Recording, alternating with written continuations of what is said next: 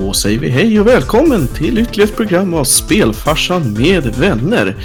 Idag ska vi prata spel som vi är besvikna på, ledsna på eller spel som faktiskt är allmänt erkända som riktigt, riktigt usla.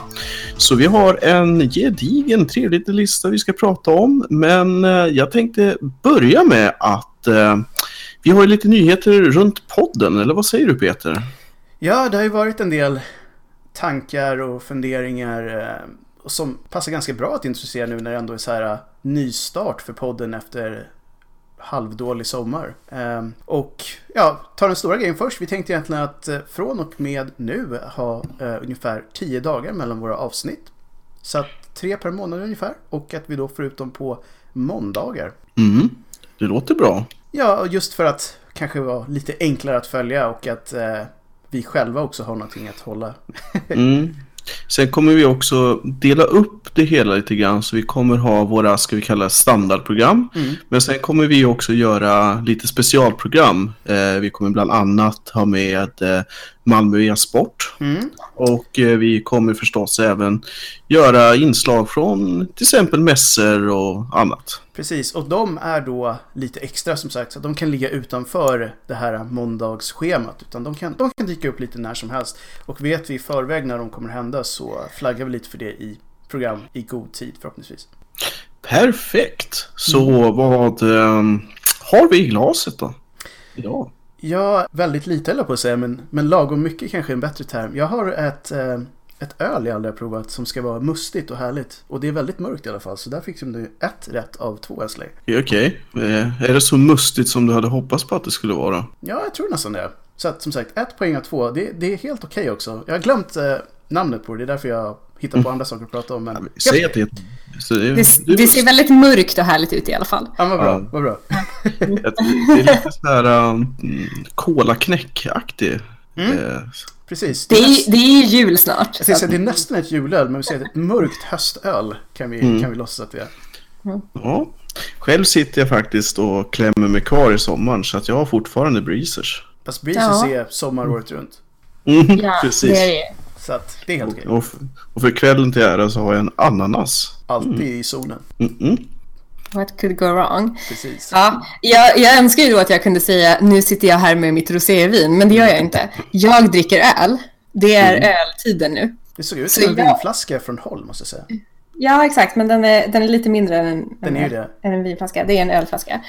Och det är en, faktiskt en låtsasöl. En Jaha. låtsasöl.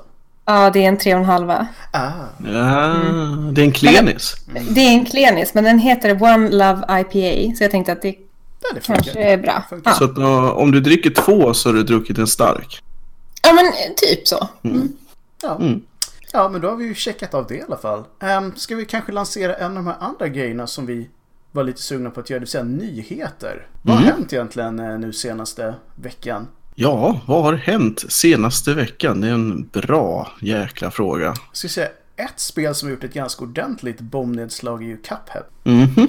Jag tror nästan alla större streamers på eh, Twitch har spelat det spelet och varit helt saliga. Det är ju, man säger så här 30-tals Disney Mickey Mouse. Den grafiken är det ju i det här spelet. Och genomgående jätte, jättesvårt men också jätte, jätte, vad ska man säga, ärligt. Så att säga, man dör på grund av att man själv gör fel och inte för att spelet fuskar. När vi har sett eh, på E3 och sådär så har det ju sett extremt mysigt ut. Ja, och det tror jag nästan alla har skrivit under på. Du vet de här filtern för röster så att de låter som från en 30-talsrulle och det är det här lite att det rycker lite i skärmen. Så att det jag har sett istället, det är stor mysfaktor. Och så har man alltså i nästan alla såna här äh, plattformsspel att när man ser någon annan spelare så tänker man det där är inte så svårt. Det där skulle jag kunna klara. Men man vet ju att sen så skulle man säkert dö som en liten fjant. För att jag har sett en del som har sagt det och sen har de spelat spelet och dött tio gånger mer än någon de tittade på. Så att det känns som ett sånt där spel som eh, man förtjänar allt man tycker innan. Mm. Vilka plattformar? Jag tror att den kom ut till eh, både, eh, den finns på alla tror jag faktiskt. Alltså när jag säger alla så PS4, Xbox One och PC. Jag är rätt säker på att den finns på. Eh, Nice. Så att det är ett spel som jag definitivt kommer plocka upp. Även fast jag nu är helt inställd på att man kommer må jättedåligt när man spelar det. Men som nästan säger, man dör jättemycket. Man är superfrustrerad. Och sen spelar man det bara en gång till. Och en gång till. och en gång till. En stor nyhet är ju att eh, det senaste South Park-liret har släppts. Det kommer imorgon. Just det. Yes. det... Eh, Eller ja, Det nu. recensioner kanske vi ska tillägga då. Ja, Ja. och eh, en del större streamers som har fått 24 timmar tidigare sitter och spelar det just nu. Det ser helt fantastiskt ut, måste jag säga. Eh, de har ändrat ganska mycket sen förra gången också, så att det är mer djup, det är lite mer um, taktik i fighterna. Jag såg eh, att det är väldigt mycket South Park, när jag tittade för en liten stund sedan så hade de en fight mot två katolska pedofilpräster som bara ville känna lite på dem. Så att eh, väldigt mycket South Park. oh ja, oh ja. Ett annat spel som jag har blivit helt salig när jag har sett är ju också från E3, Evil Within 2. Just det. Oh my god säger jag bara, det är helt fantastiskt. Alltså, jag kan, jag kan slänga alla möjliga superlativ på det. Det är, det är ett helt fantastiskt spel av det jag har sett. Mhm. Eh, storyn, klockren, det är mycket så här äh, hjärtkramande stunder och sen har de ett helt annat djup än första spelet. Det är mycket stealth med och såklart lika kladdigt och våldsamt och härligt som det första. Fast också eh, open world så man kan eh, springa runt och göra saker i den takten man själv känner för. Det låter ju lovande.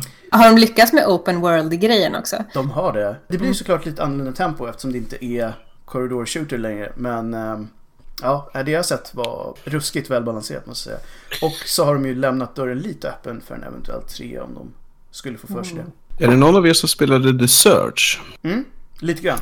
Mm, det kommer nytt gratis DLC. Jaha, alltid, alltid bra. Jag menar, det, en del har ju problem det här med DLC om det inte är bra. Men om det är gratis tycker jag att då har man egentligen inte så mycket att klaga på. Det är så här, upp till dig att testa om du vill. Mm. Ja, men det är ju som eh, till exempel, eh, vad jag tänkte på, The Witcher. Så släpper de ju, all, alltså inte deras expansion, men DLCerna ska ju vara gratis. Ja, nej, det är ju, jag menar deras DLC är ju helt fantastiska så att om de slänger in lite extra grejer vid sidan om så är det ju jättebra.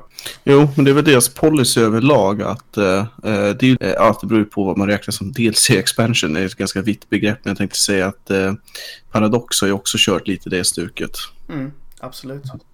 Och jag tror att det finns ju olika sätt att göra DLC på men jag tror att har man en del riktigt högkvalitativa DLC och sprinklar det med gratis grejer så kan man egentligen inte hamna fel. Nej, precis. Mm. Men det var väl kanske det som har gjort de största ringarna på vattnet de senaste en, två veckorna. Det händer extremt mycket i oktober ska vi bara säga så vi kommer nog ha en del att prata om även i, i nästa programs nyhetssektion tror jag. Ja, det är ju också ser ut som att det ska kunna bli en riktigt trevlig eh, spelvinter. Mm, absolut. Jag ser ju fram emot eh, nya Wolfenstein som kommer ut här i, i Just början av det. nästa I, månad. Innan vi släpper nyheterna helt och hållet så tänkte jag som vanligt pusha lite för att nu är spellistan släppt till vinterns Awesome Games Done Quick. Häftigt. Så eh, bland annat så kommer vi få se Batman The Video Game till NES. Jag tror att de kommer att komma ner till typ 10 minuter nu eller någonting i den stilen. Rescue Rangers. Eh, våran favorit eh, Duckfist är med och ska spela igen. Känns bra, känns bra. Så att det finns lite smått och gott. Så gå gärna in och botanisera om jag ser något favorit där i listan av ja, spel. Och vi kommer säkert prata mer om det eventet när det händer, höll jag på att säga. Mm. Absolut. Bra, då så. Då sparkar vi igång. Jag tänker att vi gör som så att vi börjar kronologiskt med de äldsta dåliga eller besvikna titlarna först. Ja, det låter bra. Låter bra. Mm. Så eh, först ut så har vi, eh, gissar jag, eh, ET va? Då är vi alltså så. på 80-talet. Det är kanske då man ska säga att de dåliga spelen officiellt började trilla in. För att då hade det blivit så pass bra kvalitet så att man kunde bli besviken på det. Mm. Mm. Och E.T. var ju exceptionally bad. Oh ja. Ja. Det är väl ett sånt där spel som nästan konsekvent hamnar högst upp på dåliga spelslistan när folk får dra ihop dem. Ja, jag undrar dock om det är någon, höll jag på att säga, som är född efter det årtalet som överhuvudtaget har provat det här spelet. Alltså alla säger ju bara att det är så extremt dåligt, men lever det någon, höll jag på att säga, som faktiskt har spelat det? Är det jättelätt att få tag på idag? På ett emulator borde det väl inte vara hela Nej. världen att eh, lyckas.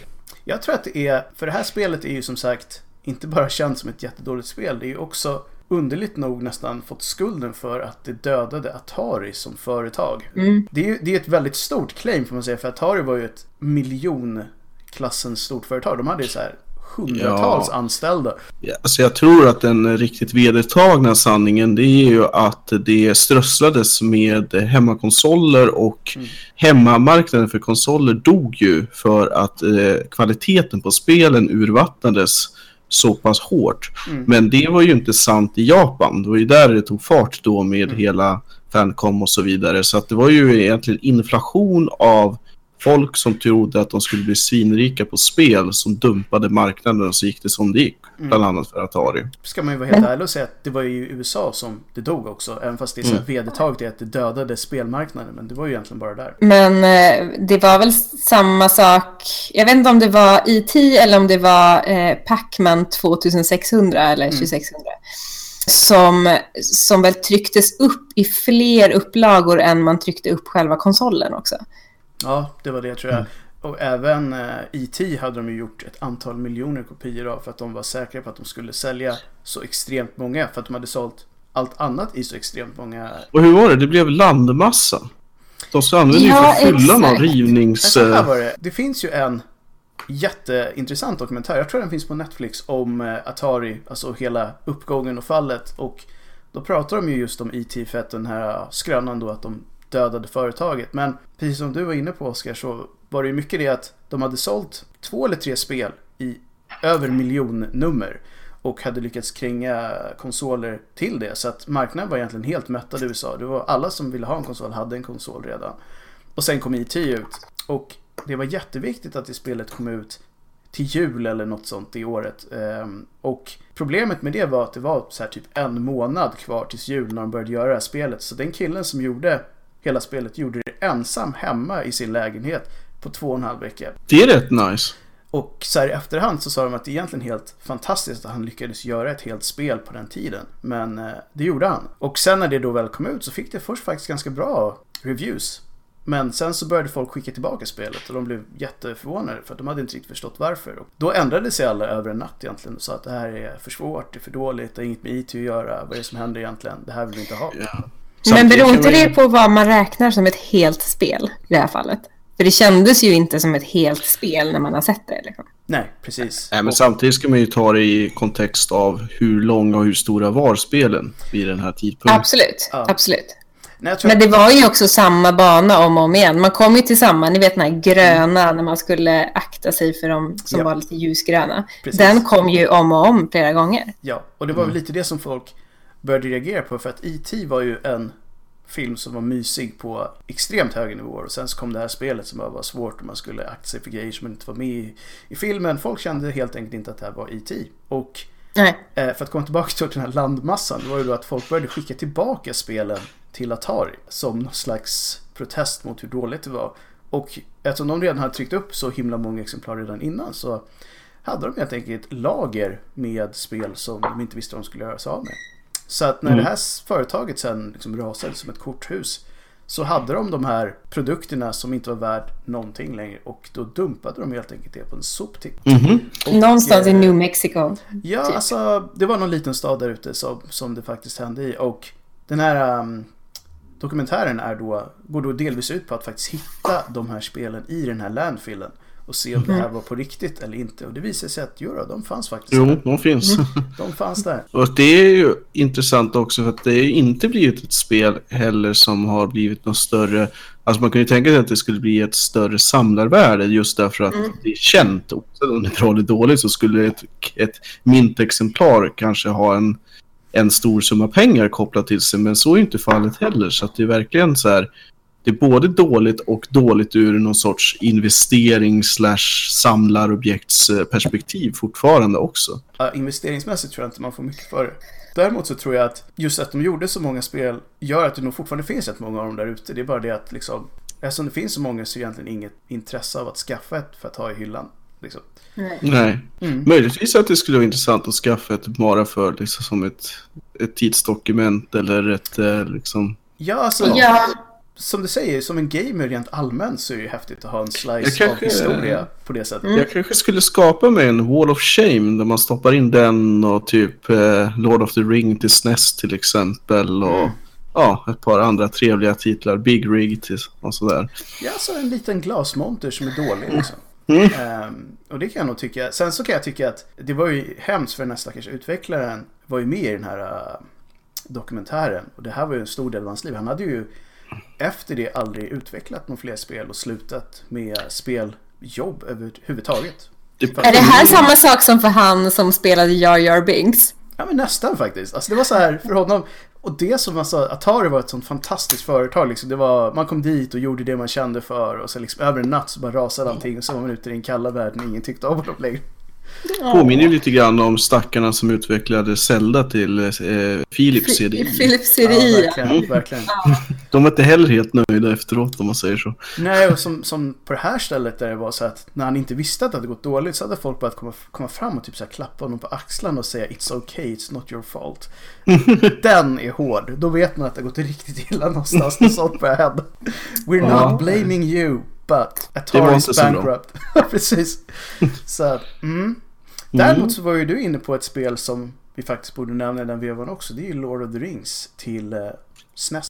Men vi kanske ska ta de andra från 80-talet först Ja, då. precis. Vi börjar med eh, det spelet som Linda var inne på, det vill säga Pac-Man 2600. Mm. Ja, herregud. Som man verkligen släppte. Fast det gjorde man ju för sig med IT också. Och släppte det med medvetna buggar verkligen. Eh, Som sagt, även om man vill kalla det för features så är det ju inte bra. Fast var inte det early access då? Nej, nej, gud nej. De släppte det med... De, det, det var, det var, de, man köpte en kassett. Och sen uppdaterades kassetten. sen. Precis. Hade det varit idag så hade det kallats för typ early access. Men de hade inte riktigt den lyxen på den tiden. Exakt. Åh, gud, men det kommer ni ihåg i Atari, eller inte i Atari, i IT, när han, man kunde förlänga halsen bara så fick man honom att flyga. Mm, det var bra grejer. Ja, det var Det var roligt. Nice. Det var roligt i alla fall. Ja, det var det. Men det var väl lite samma i, um, i Pac-Man också. Han kunde ju, han fastnade i väggen ibland, eller hur var det? Det Ja, var det var dålig kod. Det var ju mycket så här klipping och att eh, typ eh, spökena så här bara eh, snurrar runt, runt och inte följde den och Ja. alla sådana här saker. Och sen att även fast du hade samlat alla på, alltså, bollarna så går man inte vidare. Den bara Nej. låste sig. Och massa så här konstiga saker. Alltså, det är ju egentligen ganska sjukt hur man kan förstöra ett så enkelt spel som Pac-Man. För att konceptet är ju superenkelt. Du har en grid och så rör sig saker i fördefinierade gångar liksom. Ja, för att jag tänker att det här borde ju vara så här skolboksexempel. Alltså redan då borde det ha funnits ganska så här klar mall för hur det här spelet ska vara. Exakt. Ja, och det var väl det det fanns också. Och de tänkte att Pac-Man är så inarbetat så det är okej. Vi kan släppa det därför att vi har ett IP som är världskänt. Det är säkert så det var. Det här har vi gjort förr så vad fasen, vi, vi knåpar ihop det och så släpper vi bara. Och sen så bara, ja ah, just det, vi kanske skulle kodat det också. Ja, men lite så. Så att, nej, det är väl också ett spel som man kanske inte direkt hör många som säger att de vill ha en kopia av. Så att de här två första spelen har ju verkligen inte samlat på sin nostalgivärde över åren heller. Nej, verkligen inte. Sen finns det ju faktiskt ett del, ganska många till dåliga Pac-Man-spel kan man ju lätt lugnt säga. Men Ja, alltså det är ju ett så stort franchise så det finns ju säkert 10 riktigt dåliga spel. Och så finns det 20-30 som är bra eller riktigt bra. Så att eh, det är blandad kompott i ja, Pac-Man. men så är det ju samma sak med både Street Fighter och Mega Man till exempel. Exakt. Kommer ni ihåg vad spökena hette i Pac-Man? Nej. De hette ju, alltså det var ju fyra stycken olika. Mm. Och tre av dem rimmade, namnen kommer jag ihåg. Det var lite som Knatte, Fnatte och Chatte. Oh, Och, och sen var det typ Claude eller någonting hette den sista. Man måste gilla Claude, det är ett bra namn. Ja, exakt. Har ni sett den tecknade serien? Eller det finns ju säkert fler. Nej, jag råkar se lite grann på Netflix. Jaha, det måste man göra. Rå- Råkade du se lite grann på Netflix? Ja, jag, förs Pac-Man. jag försöker ju introducera min kära son till massa så här Bra spel. franchise. Ja, bra IPn så att säga. Eh, Men, Turtles och Pac-Man. ja, men hittills har ju Netflix har ju varit en otroligt sorglig saga av eh, dåliga liksom, varianter av, precis som jag sa tidigare om Turtles var ju hemskt. Ja, visst. Pac-Man var inte alls lika hemskt. Det var okej. Det är väl som vilken typ standard anime som helst. Förutom att ja, den är eh, amerikaniserad. Och det handlar ju lite lätt om att eh, Pac-Man är, eh, går i skolan och är lite halvmobbad och får inte göra de coola grejerna och sådär. Och så lyckas han eh, släppa lös monstren från labyrinten. Så att eh, de kommer in i, i, i hans värld liksom. Och sen måste han ju ställa allt till rätta då förstås. Jag vet inte riktigt. Det känns som att de har forcerat in Pac-Man här lite grann. I alla fall, Ja. det känns vad jag får. Ja, nej men som sagt, jag, jag skulle inte, inte sett hel, en hel säsong. Jag har kanske sett två, tre avsnitt. Men, Mm. Och det, det är inte hemskt och det är inte Nej. jättedåligt. Men det kanske inte är den bästa serien heller. Nej, jag kan tänka mig att det finns eh, bättre... Alltså, Just Pac-Man känns inte heller som någon sån här karaktär som brukar gå dåligt för rent allmänt. Det var rätt glad. God och glad liksom. Ja, alltså då skulle fast om vi ska prata bra spelserier på Netflix så är det ju Castlevania som är den stora tummen upp. Precis. Det, det håller jag helt med om. Det är en mycket, mycket bra serie. Så att den kan vi hylla lite grann. Mm. De heter för övrigt Blinky, Pinky, Inky och Clyde. Just Clyde är så här skönt. Ja, Då undrar man varför fick Clyde ett så annorlunda namn? Eller hur? Var det någon utvecklare som bara nej, jag vill att den här ska döpas efter mig. Ja, men det kanske det var. Det är inte omöjligt. Så det hade jag gjort lätt. Jag menar det. Det är ändå, speciellt i en sån serie där Ja. även nu det liksom gör sådana spel. Så Clyde har varit med länge. Ja. Ja. Mm. Har vi några flera 80s-spel? Jag hade fredagen den 13 här som en liten Åh. blänkare. Eh, Det är ett hemskt spel faktiskt. Detta fantastiska spel. Det är Precis. Och det, det känns lite extra ont för att de här filmerna är ju egentligen inte så bra, jag att säga. Men, men de är ändå, det är magiskt och det är nostalgi. Och sen körde man det här spelet som jag visserligen bara upplevt som eh, rom. Men vad hemskt det var. Man gick omkring eh, liksom mellan lite hus och sen är plötsligt så dök det upp någon som jag antar skulle vara liksom... Ja, eh, eller hur? Precis. Jag, jag Man inte visste säga- inte riktigt. Det var någonting som dök upp och så bara dog man. Ja, men mm, hela grejen gick ut på att man skulle rädda sin så här, den som var lärare på det här lägret som man var Exakt, på. exakt. Ja. För det är ju ett sommarläger så jag antar att de är någon typ av scoutledare eller på att säga. Förutom att Mm. de säkert kallas någonting helt annat. Men nej, alltså. Det är samma sak där igen. Alltså, med tanke på vilket ganska rikt material de hade att ta från så blir det här spelet Mm. bara skräp. Fighting-scenerna var ju hemska. Precis. Det här är däremot ett spel som jag vet att rätt många har spelat i efterhand just för att uppleva, till skillnad från de här andra. Ehm, jag vet inte om det är så just Friday the 13 fortfarande är halvlevande franchise. Eller om Jo, det är det så... är det ju. Med tanke Kommer- Med tanke på att det kom ut ett nytt spel Mm. ganska nyligt. Jo, precis. Jag tänkte rent filmmässigt har det väl varit dött ganska länge, men just spelsidan lever ju fortfarande. Så det kanske är så att om man spelat det nu, det som kom ut förra året, eller det var till och med början på det här året, ehm, så kanske man säger, ah vad fasen, det är klart jag ska kolla upp vad det här från 89 var egentligen. Och så blir man jättebesviken och så går man tillbaka till det nya. Mm, det kan ju vara så, men det är... Oftast så tror jag att folk också går in med att liksom, jag älskar det här franchiset, så hur dåligt kan det vara? Det är Alltså, en ganska häftig inställning liksom. Hur, hur illamående kan jag bli och fortfarande liksom vara inom ramarna för den här franchiset? Och ganska illa var det väl tyvärr som var svaret då för ja, men så är det ju till 13th. exempel med så här klassiska 16-bitars JRPG. Då kan jag svälja ganska mycket med eh, teasern att det var nog inte så dåligt det här i alla fall. Precis. Sen får man väl också att så här, försöka se det så här, om det här hade varit då, hur bra var det då? Ja, eh, jo men exakt, och det är det som blir så svårt när man ser tillbaka på spel. Därför att, men tänker på han stackars IT-utvecklaren liksom. Han gjorde säkert sitt bästa. Han gjorde säkert sitt bästa, men ja, shit. Ja, han hade ju inte så mycket att jobba med liksom. Nej, Men där har vi ju en riktig ursäkt å andra sidan. Det är ju inte så att Ja, vi satt i nej. två år och försökte cranka ut det här spelet som Nej. till exempel jag tittar på dig Duke Nukem 3D. Oh.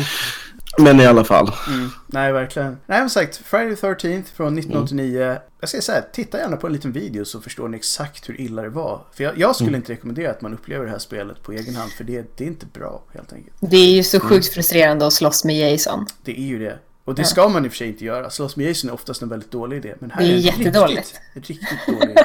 För att Ja, kontrollen exakt. är så dålig så att det är rätt stor chans att du har ihjäl dig själv istället.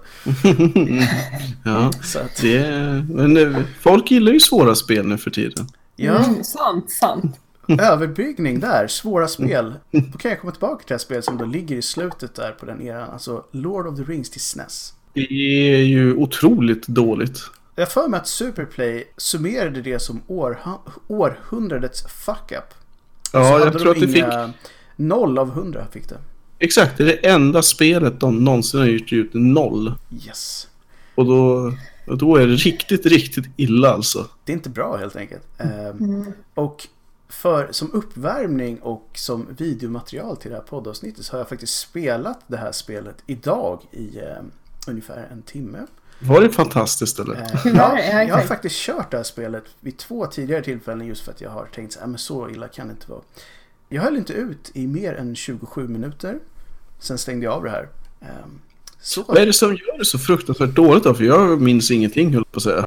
alltså det är så mycket, mycket saker. Om man säger så här, Lord of the Rings som är ett Antingen ett filmfranchise som folk gillar eller för de som är lite äldre eller på att säga bokserier som man verkligen gillar. Och så börjar liksom spelet med och det, det är ett plus och det enda plus det ger är att musiken är helt okej. Och musiken börjar tänka så här, ah det här är lovande. Sen har de ett antal minuter av en sån här bok som de bläddrar i och långsamt, långsamt skriver ut så här vad som händer. Redan där har man ju förlorat. Gud vad irriterande. Japp, redan där har man ju förlorat viljan att leva liksom. Ja, nej men det går inte alls. Och Det är sen som alla Marvel-filmer som börjar med så här att fyra minuter introtexter så bara är creditsarna först. Precis, Ja. det, här, det här är hemskt. Och sen så börjar ju då spelet med att Bilbo har sin eh, födelsedagsfest och liksom säger att han ska försvinna. Då är det så här fem renderade snubbar som står med vapen och kapper för de har ju samma guys som man sedan använder.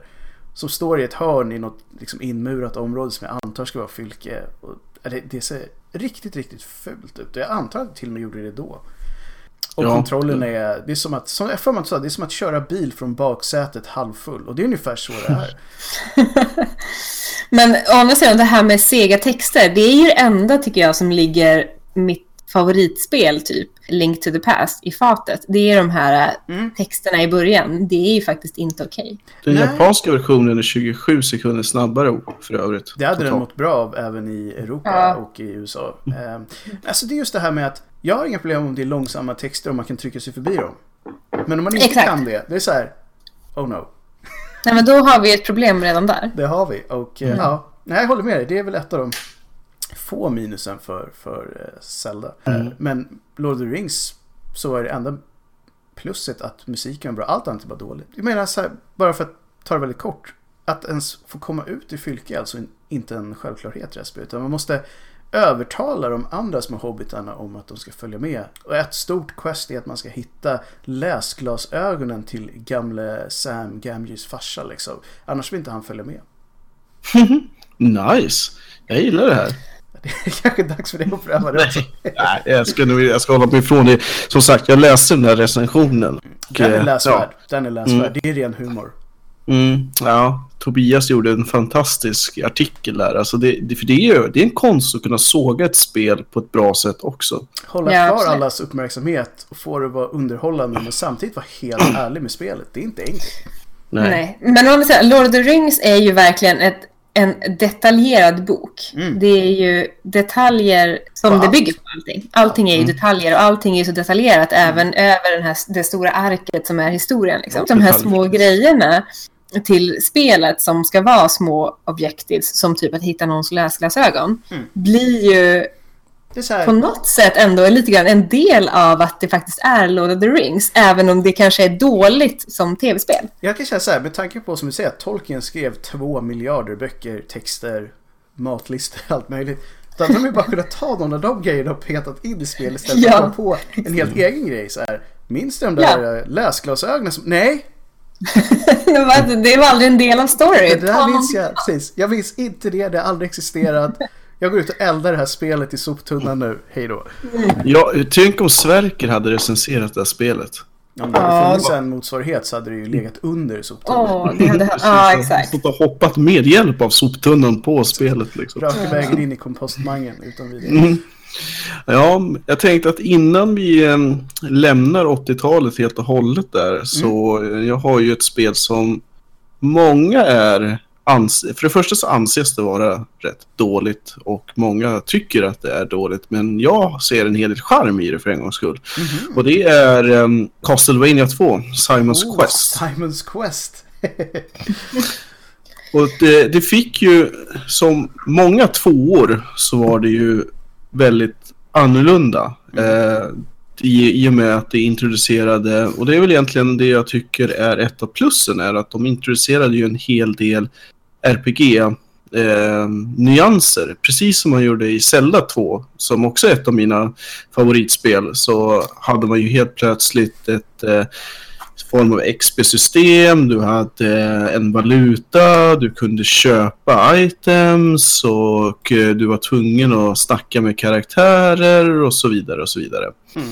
Men det är också det som den har fått mycket kritik för att du, det var ett väldigt grindande för att komma vidare i storyn så var man tvungen att bland annat köpa sådana här pålar. För i praktiken så är det ju fem mansions och för att få de items som man behöver för att kunna samla ihop och möta Dracula så måste man köpa en, en träpåle i varje mansion för att kunna få itemet. Så att det är extremt så här äh, influerat av Zelda, det är det ju. Mm. Sen så äh, var det ju också det att folk gnällde på att, eh, hur ska vi säga, hjälpen eller informationen från stadsborna är ju extremt undermålig. Liksom vet man inte. Det är inte så att man bara gissar sig till eller får reda på exakt vad man ska göra utan det är ju, det är ju genom annan information som man vet vad man ska göra.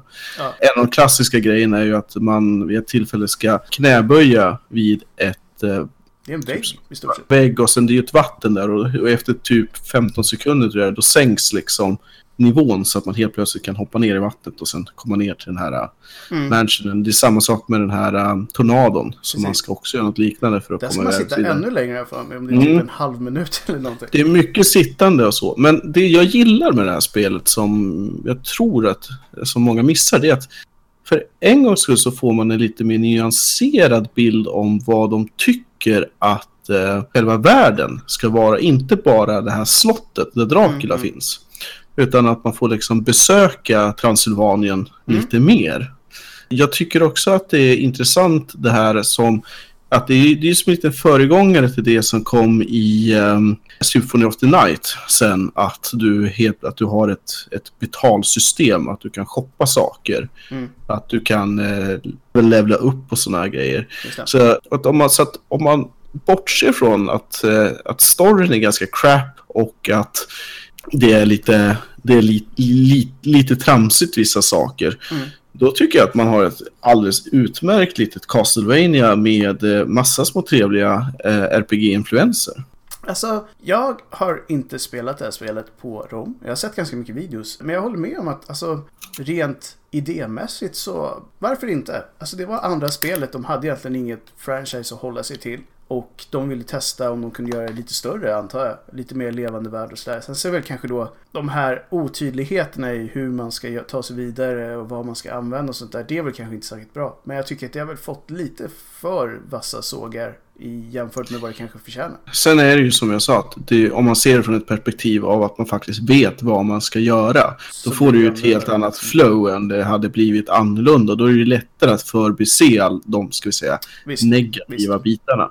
Vi har ju fördelen av att se det här från väldigt många år senare när man vet hur hela spelet funkar. Mm.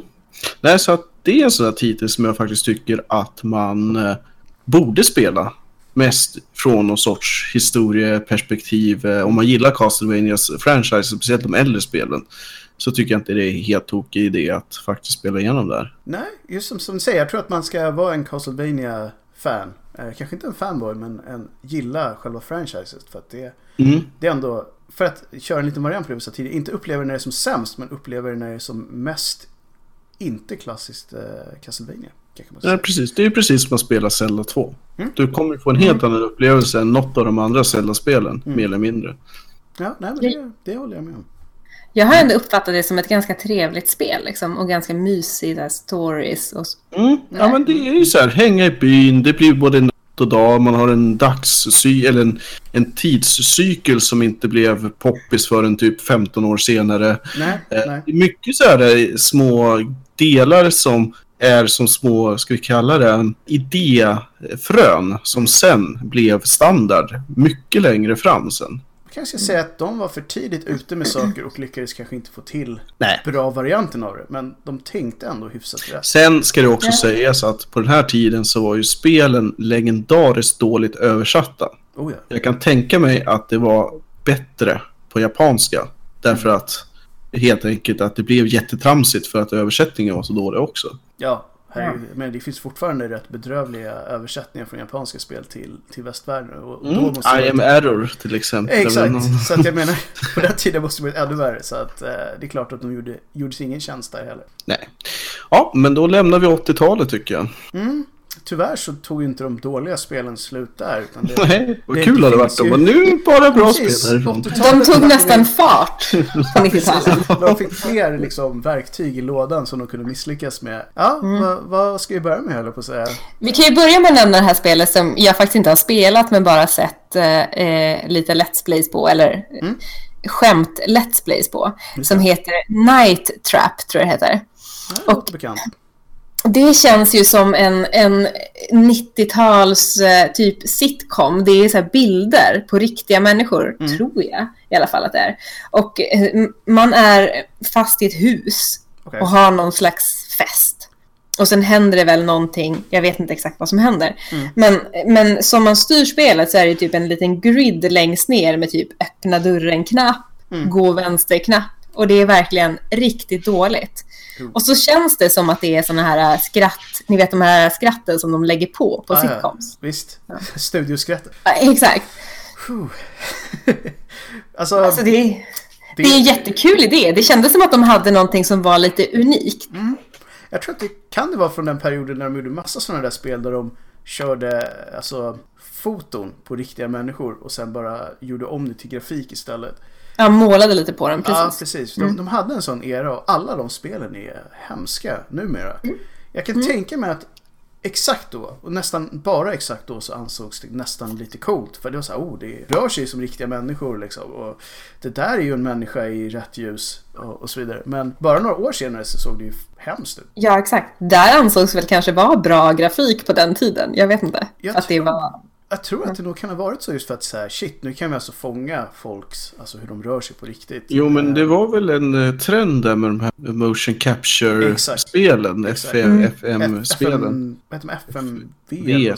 Ja, det. FMV, ja, precis. Eh, som faktiskt har fått lite av en revival nu senare tid. Jag har sett många streamers som har kört sådana spel för att de har släppt rätt mycket sådana spel på Steam och Mhm. GOG och lite andra ställen. Just för det är väl nu de har blivit så pass gamla att de kan komma in som vintage games. Och då är det rätt många som har provat dem för att se hur det var. Och man ska väl säga genomgående så är det nästan vara så att de som är gamla nog att ha varit med på den tiden har väl jättebättre betyg än de som aldrig var med alls. Som har väl tänkt så här shit vad var det här och vad skönt att det inte görs längre. Ja, fast det är väl lite med, med modifikation för att det kommer ju, eh, alltså visst att det är förrenderat, men jag tycker ju att det finns ju väldigt sådana här quicktime heavy-baserade spel Oh ja. som är något åt det hållet nästan i alla fall. Ja och nu har de ju om man ska säga att andan av de spelen finns ju kvar. Det kommer ju ett antal spel nu i år och förra året som är Det är ingen grafik alls utan det är egentligen Det är film istället Som de har overlays och interaktioner med Så att då, Man skulle kunna säga att nu har prestandan blivit så hög så istället för att köra liksom renderad grafik som inte tog så mycket utrymme så kan man köra 4K riktig film och sen lägga en grid ovanpå. Det är ju egentligen samma idé om man ska vara helt ärlig. Mm. Ja, och det, det fick ju ett uppsving tror jag också av att det var populärt på webben att göra så här interaktiv film igen. Att man hade typ produkter du kunde shoppa eller någonting sånt. Att du kunde klicka på skorna och sådana saker. Precis. Så att, ja. ehm, Just det här spelet, ingen hit. Mm, Men, jag eh, tror Men som sagt, genren i sig på något sätt på väg lite tillbaka. Så att, eh, vem vet, de kanske kan få till det. Som sagt, jag får mig att det var något spel som hette The Bunker som fick väldigt bra kritik nu. Mm. Ehm, Det stämmer. Eller jag vet att det fick bra kritik i alla fall. Ja, som, som ju bara liksom var just film. Så det får man se som arvtagaren till de här spelen.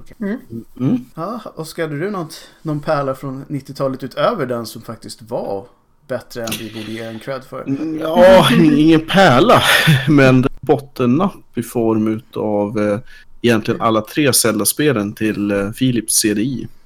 Ja, där har vi ju Ja. den eran. Herregud. Apropå, eh, där hade man ju också, speciellt i det tredje spelet, där, där man hade bara gett upp totalt och tog typ fotografier som man bara tryckte in i spelet och försökte liksom göra någon sorts eh, tabletop view his, historia. Mm. Som för, det började ju med att det första Zelda-spelet, det hade ju ambitioner om att vara ungefär i stil med, um, heter det Dragon Quest? Det här kända tecknade när man är en riddare som ska in Ja. i en dragborg. Ja. Yes. Alltså, det li- låter ju rimligt Mm. i det här fallet. Ja, men alltså de hade ju snott, eh, försökt ta videorna från den här Zelda-serien Mm. som gick. Förutom att Links näsa ser ut som Pinocchio och det är, alltså, det är så groteskt fult så att det inte också, ja, typ voice coverage och hela den här eh, Mhm. joxet. Så att det, och utvecklarna har ju själva sagt att eh, de grät ju i princip när de lanserade det där. Ja, ja, men det förstår jag. Var det, var det första, var det Faces of Evil? Eller? Mm, precis. För det var ju någon boss där som, bara, som man stod och slog på jättelänge och sen helt plötsligt så dog han genom att han försvann frivilligt. Mm. Det var ju så det här var ju så mycket konstigheter. Så att det, det, Ja, men om, om man står där och försöker ha ihjäl en boss jättelänge och till slut så är det bara så att han ger upp och drar. För att han, Då- han tröttnade på livet liksom. Ja, exakt. Och då känner jag så här, jag har inte åstadkommit någonting just nu. Det är ju ett stort finger i facet för den som spelar. Bara, nej, du fick inte chans att döda den här snubben utan han gick bara. Hej då. Ja. Mm. Inte Ja. okej. Nafse. nej, alltså jag undrar hur många gånger som Nintendo har liksom tittat i spåkulan och sagt att undrar vad som hade hänt om vi hade fortsatt samarbetet med Sony liksom. Men hur fick Sony ens eh, göra spel för Zelda? Hur fick de IP liksom? Eller menar C- eh, Philips? Eh, Philips, ja, exakt. Ja, Philips fick ju det därför att när eh, Nintendo splittade med Sony Mm. så skulle de ju fortfarande ha en eh, CD-ROM-tillverkare. Så alltså Philips CDI är alltså en Nintendo-produkt Mhm. med Nintendo-franchises.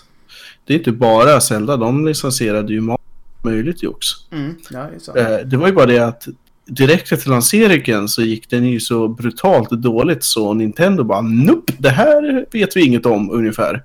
Så la de ju bara det på is jäkligt fort och sen så kom ju eh, 64 sen. Ja, och ska man vara helt ärlig så var det väl kanske helt rätt beslut. Ja, verkligen. Så att det var ju en ren franchising. Men eh, fortfarande fick de ju alla kända varumärken. Ja. Ska man vara helt ärlig så är det väl där egentligen en era som nästan ingen pratar om längre. Alltså överhuvudtaget. Nej. 3DO och eh, Jaguar är ju sådana som ibland tas upp av riktiga Mm, sådana Jaguar, nostalgiker. de hade en del fina grejer på gång där. Men eh, Mm. det är inte mycket så här nostalgi surr om just de där eh, Zelda-spelen. Det är det inte. Nej, vi släpper dem för de är så dåliga så det... det De är så dåliga som de inte ens får med i dåliga spelsammanhang. För att det är, ju mindre sagt Nej, desto bättre. Verkligen, och också tecknat. Mm. Jag vet inte. Det sättet de hade tecknat det på kändes ju också som att det var ett skämt lite grann. Ja men precis, det tog, de tog det inte ens själva på allvar så att det var Nej. inget vidare. Ska man säga? Och det är inte så man vill se Zelda. Om utvecklare Eller själva sitter och mår dåligt när man släpper ett spel. Som man själv har gjort. Ja. Ja, Ska jag vara riktigt ärlig så var det min första introduktion när de kom och sa att de skulle cell-shada Zelda. Att eh, fasen alltså, nu gör de det igen. Fast sen blev det ju inte så illa. nej, nej, nej. Alltså, Nej. men man har Nej, det alltid- blev ju bra. Man har Ja. alltid en farhåga liksom. Så här, shit, nu händer det igen. Mm. Eh, och det är deras fel, de här tidigare spelen. Ja, Det ligger verkligen. kvar liksom i gamersjälen. Mm. Ska vi hoppa till 2000-talet kanske? Ja, varför inte, varför inte? Linda, du har ju ett eh, spel där som du är besviken på som resten av omvärlden har höjt till skyarna som ett av världens bästa RTS-spel. Är det så? Mm. Är det Warcraft 3 vi pratar om? Ja. Ja. Alltså, som... Jag förstår inte. På riktigt. Alltså, jag älskade eh, Warcraft 2. Alltså, det är det bästa spelet som finns, typ. Jag spelade det så många timmar. Jag la ner all möjlig... Alltså, jag byggde kartor. Jag hade strategier. Jag spelade tillsammans med min pappa, hans kollegor och vi alla kopplade upp på samma IPX för att kunna... Och sen kom... och så kom trean. Och jag var superexalterad och kände så här, gud vad kul, nu kan man säkert göra ännu mer. För att tvåan var ju begränsad, det var den ju. Man kunde ju inte göra så mycket egentligen. Nej. Man hade ju samma strategier hela tiden därför att det fanns ju typ två hus man kunde bygga ungefär. Ja. Och tre olika gubbar.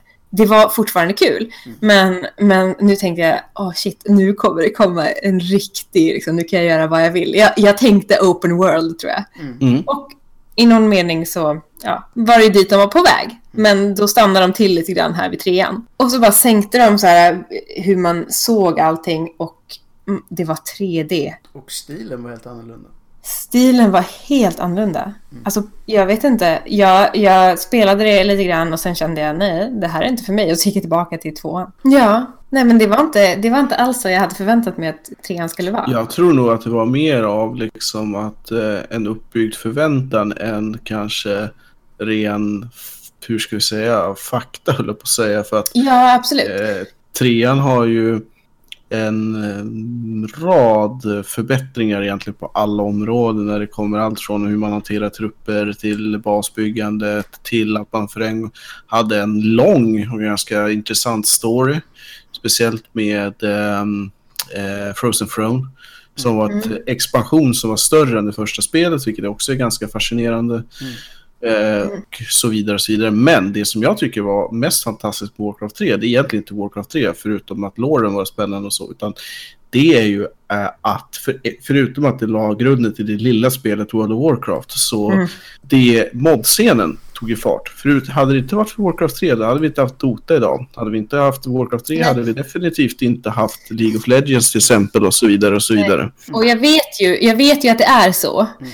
Men fortfarande, det jag hade i, i min värld var ju inte det här. Jag ville ju inte ha ett egentligen ett stort open world-spel. Jag förväntade mig inte Dota, jag förväntade mig inte mm, nej, nej. Eh, LOL, jag förväntade mig framförallt inte World of Warcraft. Det var inte, det var inte där mina förväntningar låg. Jag ville ha ett mysspel som man kunde spela mm, tillsammans, mm. som typ ett brädspel, som typ Risk eller någonting. Mm, mm. mm. Lite coolare med lite nya funktioner. Och det var ju inte riktigt så det, det var ju helt klart annorlunda. Ja. Men, men inte på det sättet som jag hade. Jag gillar ju den här när man ser allting uppifrån och kan ha kontroll över allting. Jag tror att du upplevde det som många upplevde med Diablo 3.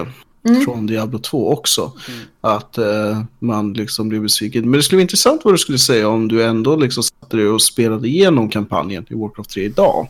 Mm. Om du skulle uppfatta det som lika, var lika besviken om man säger så.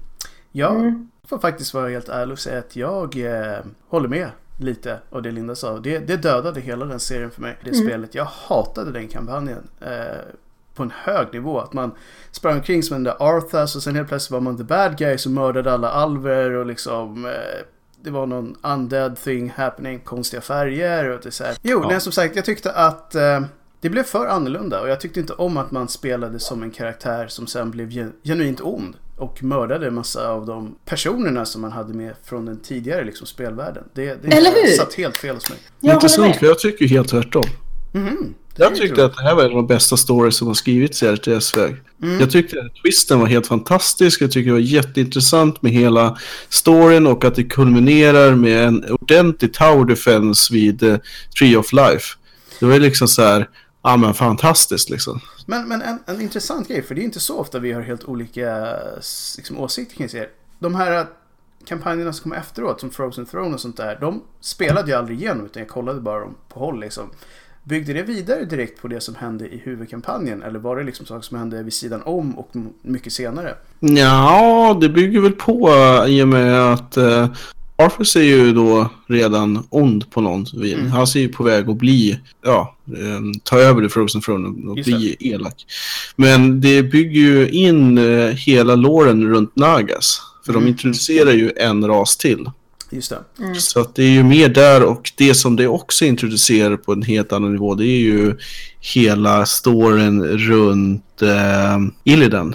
Mm. Så uh, ja, uh, alltså men för min del så kan det ju också vara så att jag hade inte spelat Warcraft 2 särskilt mycket alls. Ja, okay. Jag kanske hade spelat 10-15 timmar på sin ja, höjd. Jag har inte haft någon eh, direkt relation. Min stora relation var ju Command Conquer innan uh, Warcraft. Så att... Jag tycker det är jätteintressant. För jag tror att det, det kan nog vara mycket med det att göra. För att jag, precis som Linda, jag åt det här spelet till frukost, mm. middag och lunch. Liksom. Det var det jag körde under jättelång tid. Älskade att göra egna banor och så små kampanjer som man körde med sina kompisar. Och liksom, Mm. Jag tror också att det var så att anledningen till varför jag inte riktigt gillade Warcraft 2, Mm. det var för att när vi skulle verkligen spela igenom det så saknades det två meg på min kompis hårddisk för att kunna installera det.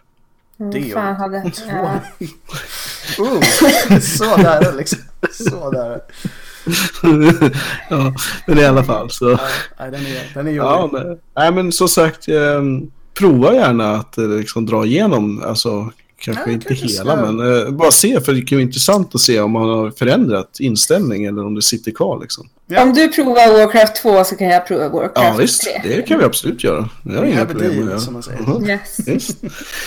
Mm. Mm. Ska vi, eh, vi kan hoppa fram några år till. eh, Ja, absolut. Och eh, nu är väl inne på ett ganska så nyligt spel. Vi pratade väl förra året när Metal Gear kulminerade Mm. i Phantom Pain. Just det.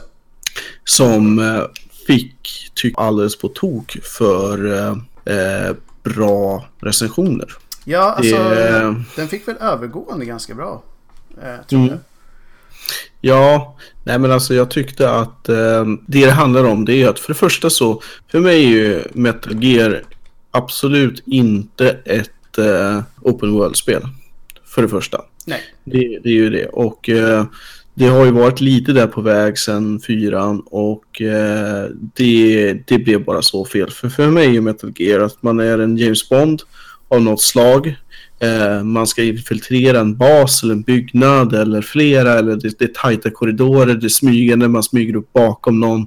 Det, det är actionfyllt och det händer saker hela tiden. Mm. Nu fick vi en dålig kopia av ett GTA eller ett eh, Red Dead Redemption eller någonting i den stilen. Mm. Man rider runt på häst i Afghanistan, gör massa fetch quests, man har glömt storyn efter 15 minuter. Dessutom, det som är mest re- intressant, det är att man inleder spelet jäkligt. Man hade det här som heter Phantom Pain som lyftes in till det här spelet. Och i eh, trailern till spelet så är Solid Snake med på ett hörn. Mm. Men han är aldrig med i spelet. Alls. Nej, det är faktiskt Vilket också är så här helt fascinerande. Man har egentligen inga bossar alls. Metal Gear är inte en boss, vilket är helt fascinerande. Mm. Plus att storyn tillför inte ett dugg, därför att det är bara meta runt det som man redan fick reda på i slutet av uh, Metal Gear Solid 3, Mm. eh, Snake Eater. Eh, det hela liksom är hur det var med Big Boss och Visst. Oxdie och så vidare. Och så, vidare. så det är ett totalt meningslöst, ganska dåligt open world-spel med alldeles för mycket fetch quest och konstiga saker du kan göra Mm. utan något som helst driv med en rätt så liksom taskigt gameplay-upplägg överlag. Så att det är, jag sågar det rakt av i fotknölarna. Ja. Vilket är eh, tyvärr alltså. Men gör du det också för att du gillar Metal Gear Solid i vanliga fall? Ja, alltså jag har Hade det varit ett okej spel om det inte hade hetat Metal Gear Solid? Mm, det, jag försökte faktiskt fundera lite grann på det inför det här programmet. Hur man skulle ha ställt sig till det om det var Ett Far Cry helt- istället till exempel.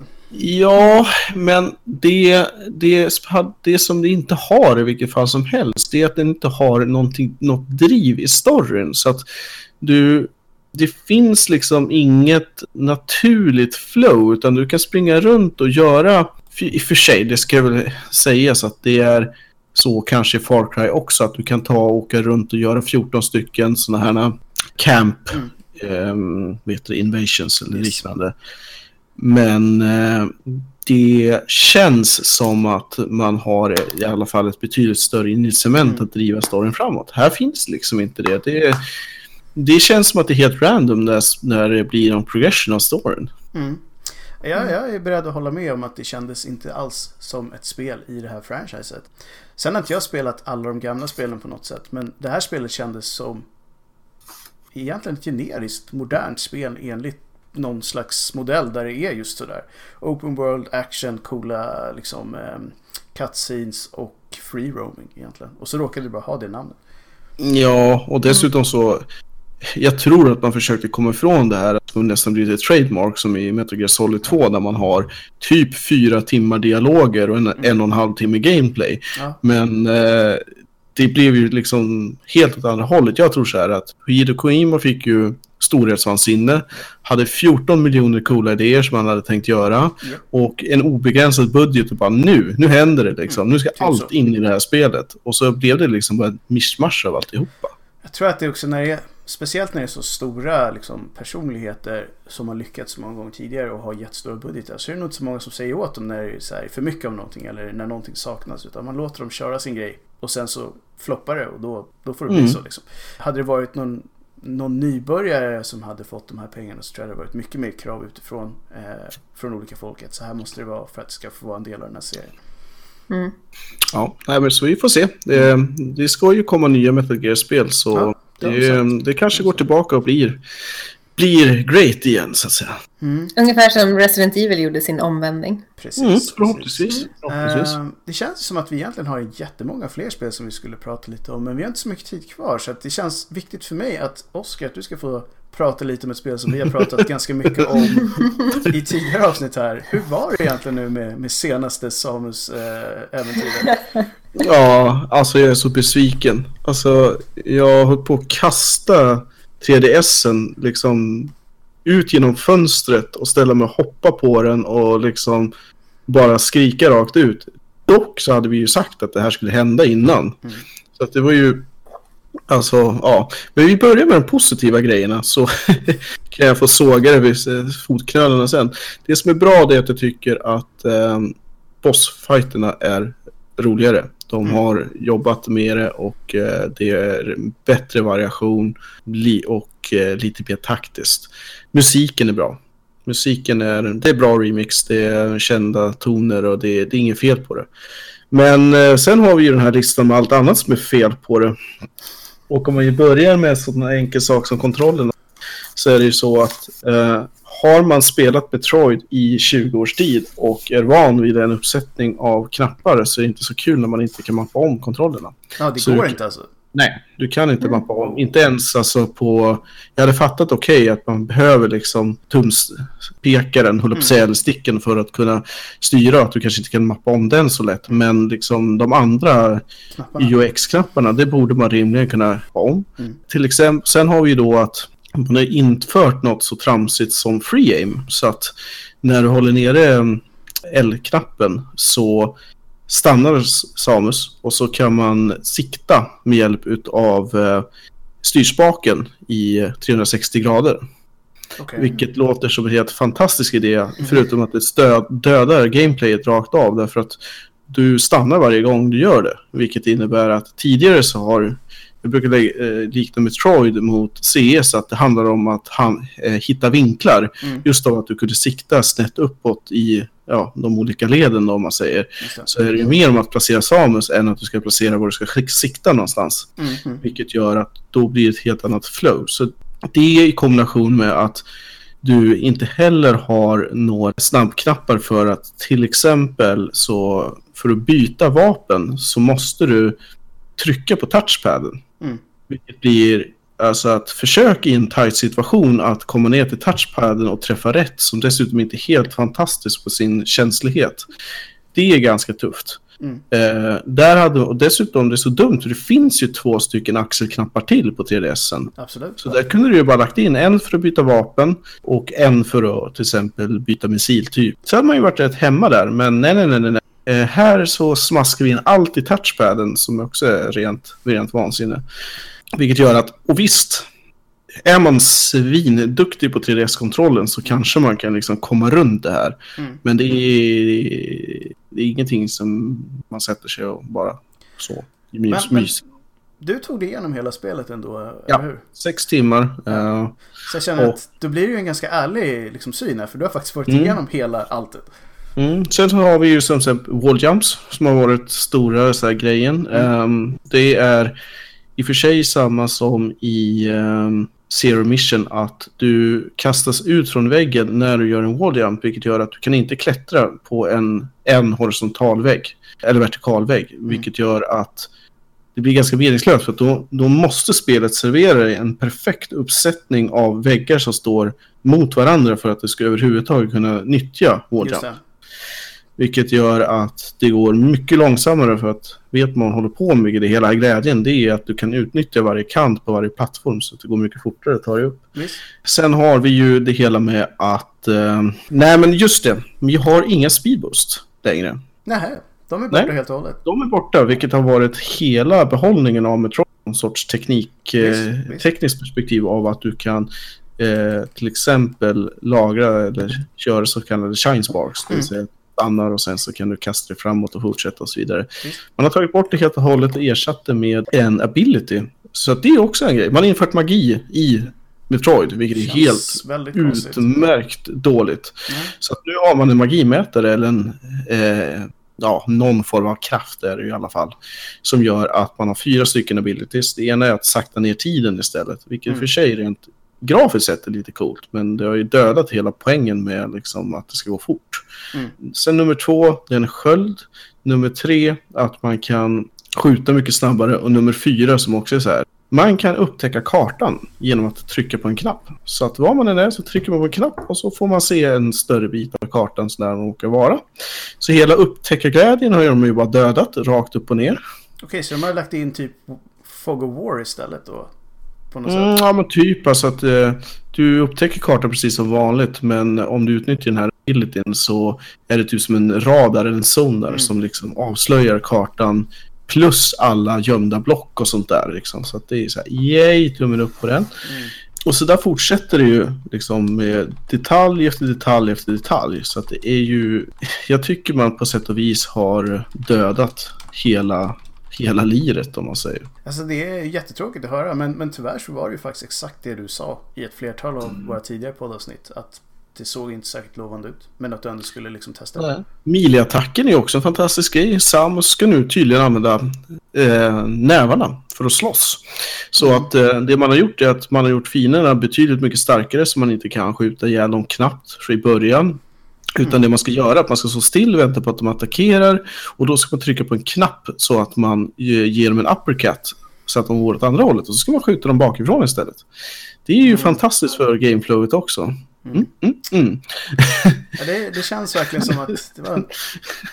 För att jag tror att det var de som har kört de gamla spelen och som dessutom har kört eh, Another Metroid 2 Remake skulle säkert hålla med om det mesta du har sagt just här. För att de, många av de här casual-spelarna där ute fick ju någon såhär, åh gud vad bra det här spelet är. Men jag, jag är inte helt säker på att de har kört något annat Metroid-spel innan. Nej, men det är ju så här, alltså, om du är, precis som du säger, om man inte är en extremt stor kondensör utav Metroid och eh, uppskattar alla tekniska detaljer och sådär, så är det, då kommer man säkert tycka att det är ett jättetrevligt litet spel. Man kommer inte tänka så mycket på de här grejerna och Nej. man kommer att säga, ja, men det var ju nice liksom. Men Ser ja, så att, det.